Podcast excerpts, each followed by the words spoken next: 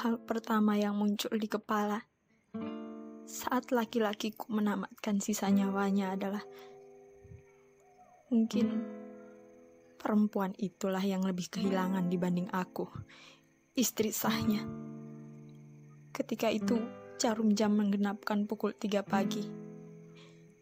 Anak perempuanku menangis, berteriak memanggil-manggil nama papahnya.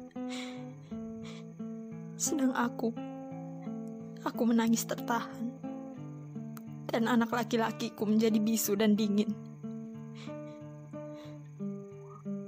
Lalu, entah siapa yang mewartakan. Tahu-tahu perempuan itu muncul di depan kamar rumah sakit ini. Ia hendak masuk ke kamar ini, mendekati mayat suamiku. Tapi aku tak membiarkannya. Tolong, hormati keluarga kami yang sedang berduka. Desisku.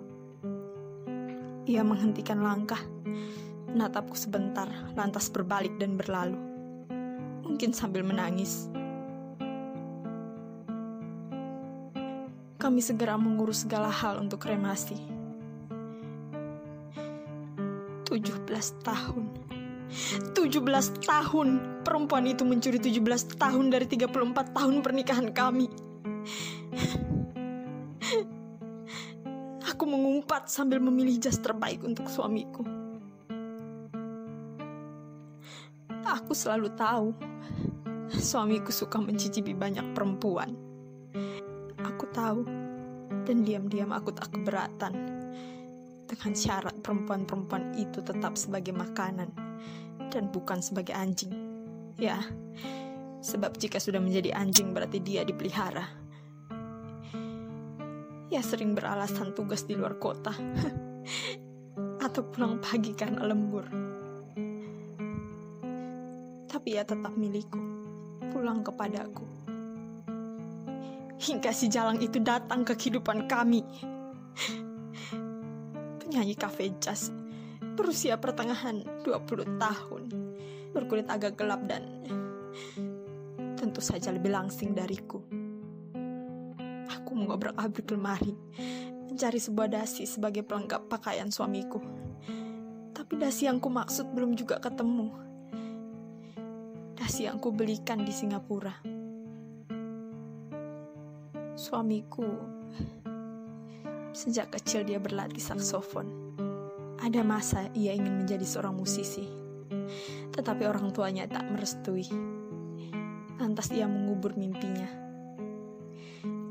Jazz adalah musik sejati suamiku. Aku pun penyuka musik, tapi sungguh sampai ajal suamiku, aku tetap tak bisa menikmati jazz. Perhatianku teralih ke lemari lagi. Masih mencari dasi yang kumaksud. Mungkin awalnya perempuan itu hanya makanan, tapi lama-kelamaan makanan itu menjelma jadi anjing peliharaan. Entah kenapa aku jadi malah membongkar seisi lemari. Bahkan lemari bagian pakaianku pun isinya sudah bertebaran di lantai kamar kami. Ranjang di kamarku serasa hangat, seperti tuntas ditiduri sosok manusia malam itu. Malam ketika Bim meninggal dunia. Dari pukul 9, aku berusaha memejamkan mata, tapi tak bisa. Sudah satu minggu Bim masuk rumah sakit dan aku tentu saja tak bisa menengoknya. Siapalah aku ini? Orang luar perusuh rumah tangga orang. Meski aku cinta setinggi langit sedalam lautan, itu tak mengubah apa pun, apalagi statusku. 17 tahun yang lalu, Bim muncul dalam hidupku. Saat malam-malam aku masih menyanyi di sebuah cafe jazz. Dia datang bersama sekelompok teman. Salah satu dari mereka diperkenalkan sebagai istrinya yang sepertinya tak terlalu menikmati musik jazz. Tapi Bim kulihat sangat menghayati lagu-lagu yang kami suguhkan. Lalu ketika band kami istirahat sejenak dan panggung kosong, Bim tiba-tiba maju. Dengan percaya diri, ia mengeluarkan saksofon milik pribadi dan meminta izin untuk memainkannya. Aku yang tadinya hendak mengistirahatkan suara, jadi tertarik untuk bernyanyi dengan iringan tiupan saksofon milik Bim. Aku langsung menyambar mikrofon dan pengunjung kafe bersorak dengan penampilan kami pada saat itu. Bim mulai jadi pengunjung setia kafe jazz. Setelah ketujuh kalinya datang, ia menunggu hingga kafe tutup jam 2 pagi. Lantas menawariku untuk diantar pulang. Ketika itu aku sudah sangat tahu bahwa ia kerap datang hanya untuk melihatku. Kami tak langsung pulang. Ia menawariku makan tengah malam. Satu-satunya tempat makan yang masih buka jam segitu dan nyaman untuk mengobrol ya di restoran hotel berbintang. Kami berbincang tentang musik. Dan dari situ aku tahu Bim adalah pengagum berat Louis Armstrong selera kami sama dan itu adalah sebuah pemantik. Sebab hari itu berakhir dengan check-in. Jam 5 pagi kami check out. Ia mengantarku pulang ke kos dan aku melanjutkan tidur dalam damai.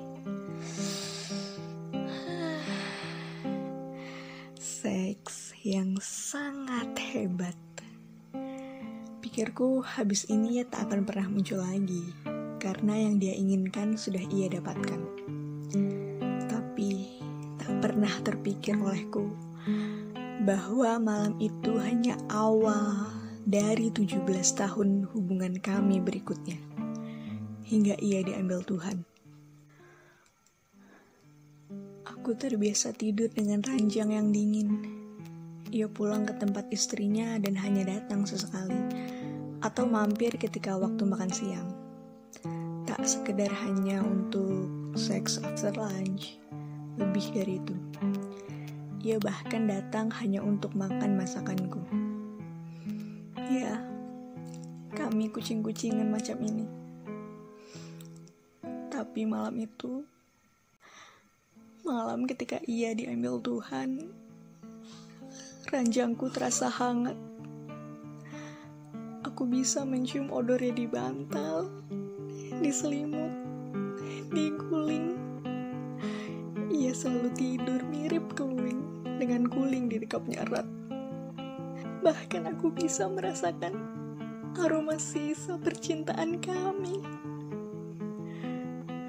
Aku tahu dia di rumah sakit mana meski aku tak pernah mengunjunginya. Tapi kali ini aku harus menemuinya. Aku tak pernah menyangka bahwa suamiku akan mati terlebih dahulu. Gagal ginjal sudah lama mengancamku di sudut jalan dengan belatinya. Bertahun-tahun, aku harus menjalani cuci darah. Bertahun-tahun pula aku mencari donor ginjal. Meski kedua anakku menawarkan satu ginjal mereka untukku, aku tak mau menerimanya. Sebab itu berarti aku merampas masa depan mereka. Tak sia-sia, aku menemukan ginjal di India. Maut memang suka bergurau dengan hidup. Inilah kenapa aku diam-diam tak keberatan suamiku jajan. Rumah duka mulai penuh.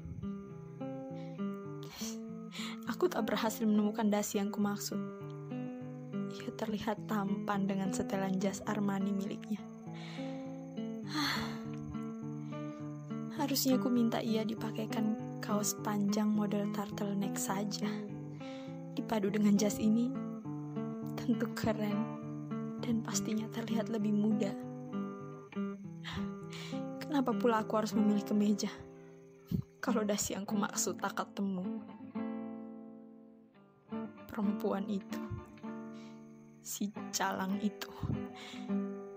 Aku tahu ketika lama aku dirawat di rumah sakit, pasti suamiku pergi ke rumahnya. Pembantuku yang mengatakannya. Anak-anak lebih menjaga perasaanku. Tak mau mengadukan perihal macam ini. Aku tahu suamiku masih sayang padaku. Cinta mungkin sudah tidak, tapi sayang masih. Dia terlihat sedih ketika lama aku sakit. Kadang ia membawakan makanan yang kusuka. Aku tak memakannya tentu saja, karena dokter melarangku. Tapi toh, aku cukup senang dengan perhatiannya. Maka ketika pembantuku lapor demikian, meski marah-marah, diam-diam aku bersyukur. Ada orang lain yang mengurus suamiku dan melayaninya dengan baik. Bahkan bisa diajaknya perempuan itu bertukar pikiran tentang Jess yang tak pernah kupahami. Kupikir, masakah perempuan itu cuma mau mengeruk harta suamiku? Sebab jika ya, tak mungkin usia hubungan mereka sampai belasan tahun. Sehari setelah suamiku meninggal, aku baru bisa memahami air mataku bahwa ia mengalir untuk bapak dari anak-anakku dan bukan mengalir untuk suamiku. Senyatanya, aku tak merasa sekehilangan itu. Sebab meski aku memilikinya, tak pernah benar-benar bisa menggenggamnya. Lihat saja daftar perempuannya. Mungkin mungkin juga aku bukan istri yang baik. Jika iya, tentu ia tak akan jajan di luar. Bahkan diam-diam memelihara anjing. Aku pernah menemui perempuan itu. Meminta dia untuk tak mengganggu rumah tangga kami. Untuk sejenak, memang suamiku kelihatan lebih banyak di rumah. Tapi itu tak bertahan lama.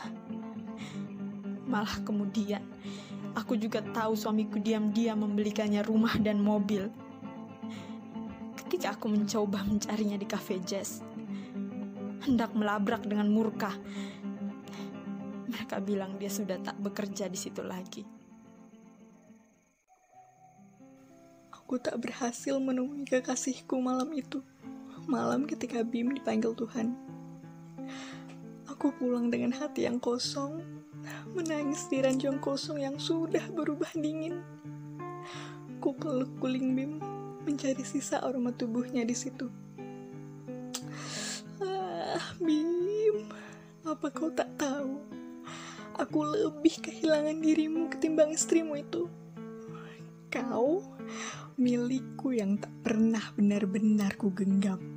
Sialan kau Bim. Gara-gara kau, aku melewati usia pernikahanku. Gara-gara kau juga, aku menahan diri untuk tidak hamil agar tak memberimu masalah. Dan gara-gara kau, aku sekarang kesepian. Sialan kau Bim terkutuklah kau di neraka jahanam sana. Aku pernah menuntut Bim untuk memilih antara aku dan istrinya. Ia selalu bilang tak akan menceraikan istrinya sebab agamanya melarang. Mengajarinya untuk menikah satu kali dan tak boleh bercerai. Aku pun tak mau dijadikan istri kedua meski agamaku memperbolehkan poligami.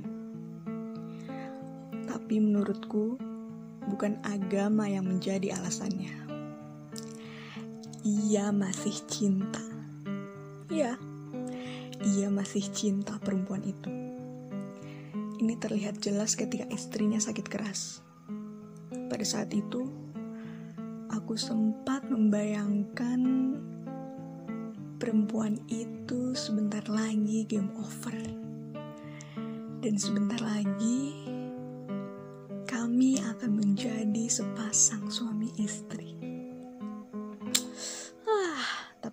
keliru.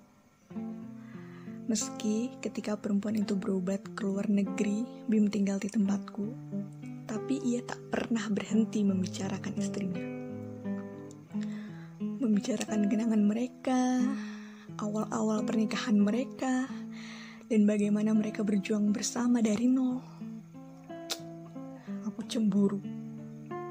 Aku sangat cemburu. Terlebih ketika tema musik jazz tak lagi menarik baginya. Lalu suatu hari, ketika telah dua minggu Bim tinggal di tempatku, Bim menerima telepon. Ia girang bukan kepalang. Dengan semangat, ia bilang kepadaku, Ginjalnya dapat, ginjalnya dapat.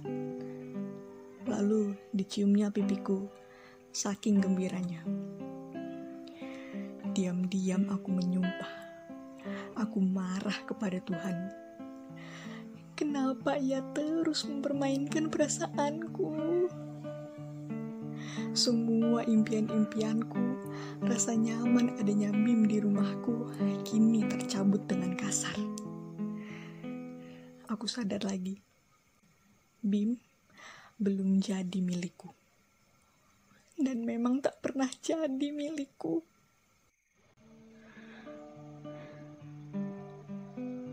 Obituari Bim muncul di koran pagi ini.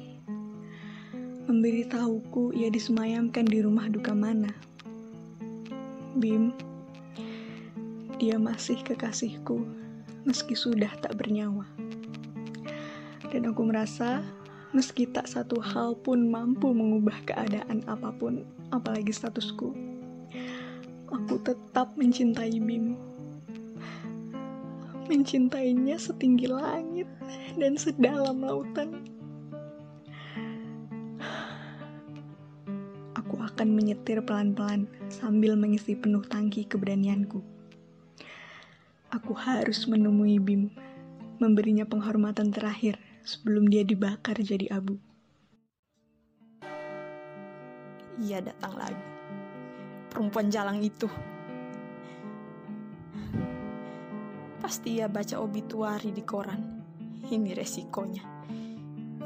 Ia jadi tahu. Beberapa orang memandangi kedatangannya. Beberapa berbisik-bisik. Tentu mereka tahu siapa perempuan itu dan bagaimana statusnya. Ia mendekatiku. Apa ia tak sadar? Aku bisa menjadi harimau yang tiba-tiba menerkam anjing buduk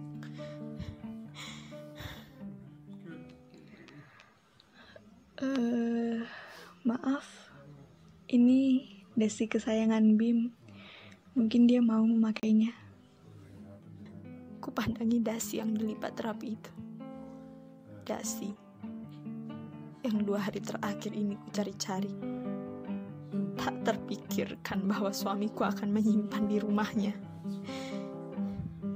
Tentu, tentu ada barang lainnya yang ada di sana barang-barang pribadi suamiku yang tiba-tiba hilang. Mengerti sekarang. Rumah perempuan itu bagi suamiku adalah rumahnya juga. Atau mungkin aku sudah tahu. Tapi coba mengelak. Ku terima dasi itu. Bol bolehkah saya silahkan potongku. Terima kasih. Terima kasih, Mbak. Entah kenapa, aku seraya lega.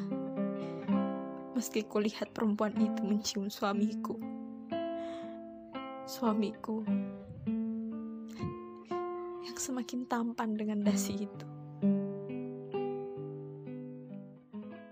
Cerpen Rumah Duka karya Ratih Kumala